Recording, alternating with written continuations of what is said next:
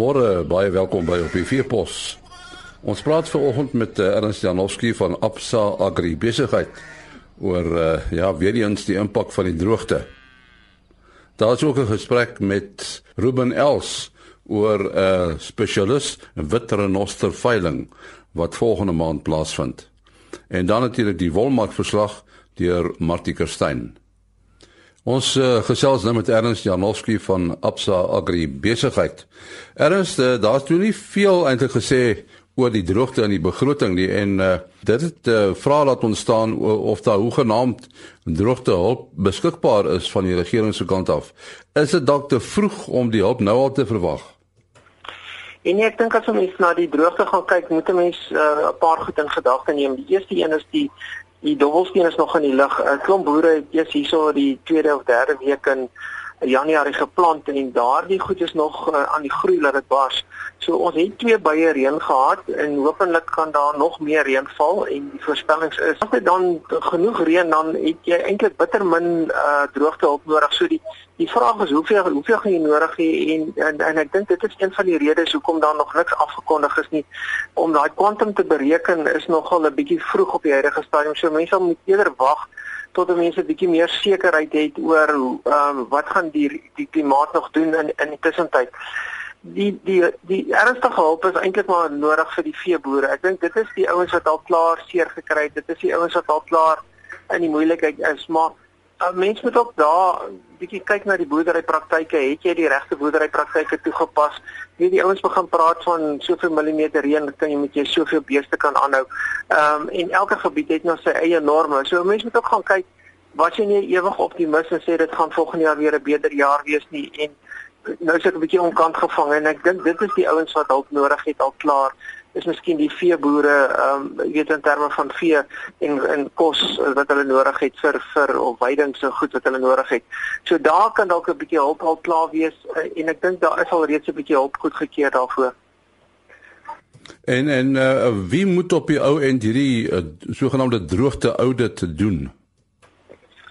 En nie, aan die einde van die dag dink ek die die droogte uh, audit gaan maar basies gedoen word deur die uh, sê bedryfskamers aan die een kant. As jy nou na Graan Suid-Afrika en hulle kongres kyk. Hulle monitor baie nou wat besig is om te gebeur en ehm um, jy weet met oeskattingskomitees en daardie tipe van goed. So jy in die graankant het jy 'n redelike gestruktureerde 'n uh, uh, manier om hierdie hierdie ding te monitor en en die kolle en areas te identifiseer wat regtig in die moeilikheid is aan die ander kant aan die veekant eh, is is dit eintlik maar ook maar die bedryfsorganisasies die RPO wat na vore moet kom en hulle rol begin speel.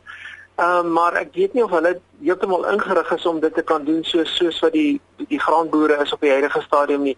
So daar is 'n bietjie meer miskien die die NWKV dink ek is 'n bietjie beter ingerig. Hulle sal hulle is al besig met opnames en die mense kan duidelik sien hulle is ook al uh weet sterker in in in dit wat hulle sê. So ek dink dit is maar waar die bestek gaan wees is is hierdie bedryfsorganisasies sal kom kyk na na hulle na hulle kliënte wat by hulle geaffilieer is wat boere is.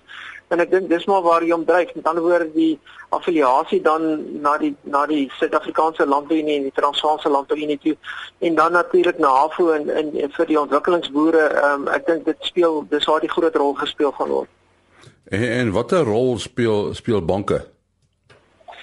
En nee, ek dink as ons na die banke gaan kyk, ehm um, die droogte, hoewel ons sê die droogte is is nie uh, jy weet as ons gaan kyk, hierdie is die eerste droogte wat ons uh ingaan wat ons in 'n vrye marksituasie is.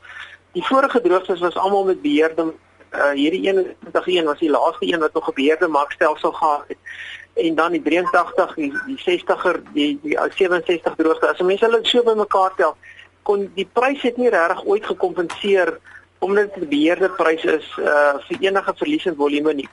Wat jy op die huidige stadium vind is is dat sê net maar kos uit die graanbedryf of die mieliebedryf verwag jy so 25 tot 26% daling in volume as jy na die oeskattinge kyk. Uh, maar pryse het met in die omgewing van van 60% geklim. So as 'n mens daarna gaan kyk, dan het pryse tot 'n baie groot mate opge, opgemaak vir vir die verlies aan volume. En dit beteken dat omset eintlik vir die boere hoër gaan wees in totaliteit. Miskien die individuele boer, ja, daar gaan probleme wees, maar die banke self op die huidige stadium is nie onrustig oor die vermoë wat hulle sal hê om mense te help nie. Ehm um, ons sit ook almal maar net te wag vir vir April maand sodat ons weet wie is nou regtig in die moeilikheid en wie moet ons help. So ons ons monitor die ding maar in die agtergrond en natuurlik uh, praat met ons kliënte baie gereeld. Maar as jy mens gaan kyk na na die na die boek self en en hoe goed die die boek verskans is, dan het ons geen probleme op die huidige stadium om om met gemak te kan sê ons kan hulle met gemak help ehm uh, en hulle deur hierdie droogte vat. Baie dankie Ernst Janowski van Absa Agribesigheid. Ons uh, gesels met Ruben Els van die Taba Tollo Wildsplaas, hy is bestuurder daar. En ons praat met hom oor 'n veiling wat uh, binnekort gaan plaasvind. Dit is 'n spesialis witrenoster veiling. Hoekom meer dit 'n spesialis witrenoster veiling uh Ruben? En nie uh, gewoonlik hou ons 'n veiling om om ons wild te verkoop eenmal 'n jaar gewoonlik in September. En die wild wat ons op daai veiling verkoop sal al die spesies insluit van buffel, swartwit pense, ehm um, rooibokke, enige van hierdie wild spesies. Ons het net gevind dat die tyd van die jaar is miskien verkeerd vir die renosters op daai tyd. En ons het gedink dat April sal 'n beter tyd wees en die veiling gaan slegs wit renosters behels. Dis die enigste spesies wat verkoop word op hierdie veiling. Uh, is daar 'n vraag na hierdie diere? Weet jy daar is 'n vraag die die as gevolg van die aanslag op die renosters ehm um, het dit begin om vir mense ehm um, 'n sekuriteitsrisiko te word en dit het weer geïmpakteer op ehm um, renosterpryse en die aanvraag na renosters en dis 'n deel hoekom ons wel hierdie diere wil verkoop op 'n veiling. Ons wil die mark stimuleer. Ons glo dat hierdie diere is eintlik baie gesog en uitsonderlike diere en ons wil 'n veiling hou om nie net ons getalle te versprei nie, maar ook om die mark te stimuleer. So daar is 'n aanvraag. Hoe groot van 'n aanvraag gaan ons eers op die dag van die veiling uitvind? En die probleme die renoster horingstropery, eh, die is nog nie weg nie, nê. So jy sê daar is mense wat nog versigtig is. Ja, daar is baie mense wat versigtig is, mense wat van sekuriteitsgewyse men spandeer baie geld um, om hierdie diere op te pas. En ehm um, so die sekuriteitsonkoste is baie hoog en natuurlik emosioneel. Dit kan 'n teken maak nie net van jou en jou gesin nie, maar dit kan 'n teken maak emosioneel indien jou diere gestroop word. Dis dis nie 'n lekker proses om deur te gaan nie. Ehm um, so dis 'n moeilike spesies om aan te hou, maar gelukkig is daar soos altyd mense wat die visie het wat sê maar ten spyte van enige stroopery en die bedreiging van van dit, glo ons dat hierdie diere is waardevol. Suid-Afrika is omtrent die enigste land in die wêreld waar ons getalle toeneem. Ehm um, so die voortbehoud van die spesies hang van hierdie land af. En daar's baie mense wat die visie het om te sê ons sal hierdie geveg veg en tyd totdat ons hom wen om die renosters as 'n spesies te bewaar. Hoe voel jy oor die die horingstroopbraai, die materiaal om te keer? Daar is uh, stemme wat sê ons moet uh, die oes van renoster horing wettig. Hoe voel jy daaroor? Ek voel baie sterk daaroor. Ek dink as ons kyk na na hoeveel renosters in Afrika verlore is oor sê maar die afgelope 60 jaar, praat ons maklik van 'n omgewing van 100 000 renosters wat verdwyn het. En oral in Afrika geskiedenis leer vir ons dat al die maatreëls wat ons nou toepas om renosters te bewaar, dat al daai lande dit ook probeer doen. Ehm um, en dat dit wat ons gedoen het het nie 100% geslaag nie tot nou toe. Suid-Afrika het 'n ander resep. Die feit dat ons ehm um, diere privaat mag besit, maak ons anders as die meeste ander Afrika lande, dit maak ons anders as die meeste ander uh, lande in die wêreld. So, dit is 'n verandering van die resep. Maar die een gereedskap wat ons nog nie gebruik het nie, en dit is om te sê kom ons kom ons sê dit ewe knie vir die misdaadsyndikaate daar buitekant want op die oomblik het ons hulle alleen reg gegee en mag gegee. Hulle is die enigste ouens wat in renoster horing handel dryf op hierdie stadium. Daar's geen kompetisie nie. Terwyl as ons kan kompetisie wees vir hulle as ons die horings kan wettig sonder om een dier dood te maak. Dis waaroor dit gaan om die waarde van 'n renoster om te draai. Op die oomblik is 'n dooie renoster baie meer werd as 'n lewende dier. En indien 'n mens daai horings kan wettig, indien 'n mens wettige horings in die mark in insit, dan is daar kans dat ons die waarde van die dier gaan omdraai dat 'n lewende dier meer waardevol gaan wees as 'n dooie dier. So dis waar vir ons 'n redelike hard druk. Dis een gereedskap wat ons nog nie probeer het nie. Uh, Tabatolo, uh, hou julle net witernosters aan? Nee, Tabatolo is redelik bekend daarvoor. Ons ons het ehm um, beide wit en swart renosters. Ehm um, ons het baie goeie populasies. Ons het net 'n um, besluit gemaak om te sê die swart renoster as ons wil swart renosters ehm um, aanhou vir bewaringsdoeleindes het ons doelbewuslike besluit gemaak om te sê ons gaan die Oos-Afrika swart renoster aanhou. Dis 'n subspesies wat net in Oos-Afrika voorkom. Al die lande van van Kenia, Tanzanië, Uganda, Rwanda, Ehm um, al hierdie lande in Oos-Afrika het eers die Oos-Afrika swart renoster gehad. Die meeste van hulle diere het verdwyn. Ehm um, van die drie subspesies is dit die skaarsste van die drie. Die Suid-Afrikaanse swart renoster, Taycerus baiconus minor is die ehm um, het die meeste getalle en dan die Namibiese swart renoster, Taycerus baiconus baiconus het die tweede meeste getalle en dan die Oos-Afrika swart renoster van die drie subspesies is die skaarsste. Daar's omtrent sê maar nie meer as 800 van hulle in die wêreld oor nie.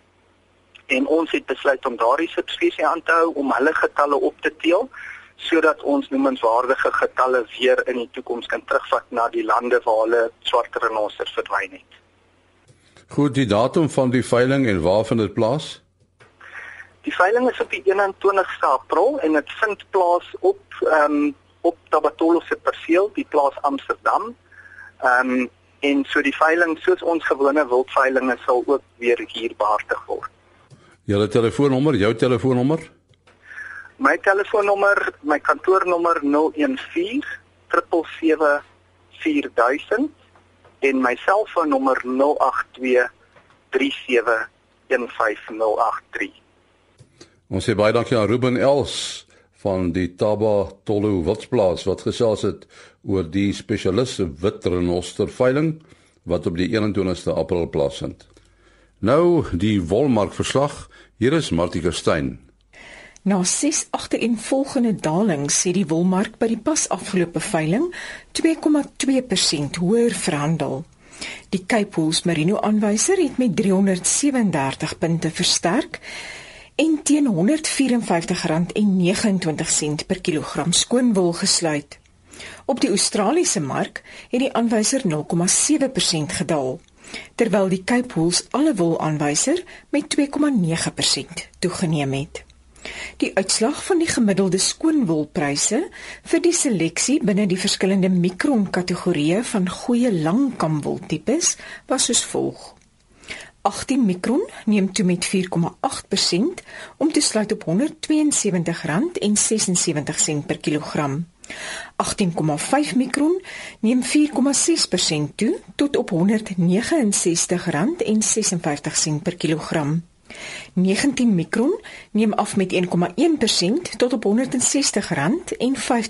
per kilogram. 19,5 mikron styg met 1,1% om te sluit op R159,40 per kilogram. 20 mikron versterk met 3,8% tot op R156,59 per kilogram. 20,5 mikron styg met 3,4% tot op R156,45 per kilogram.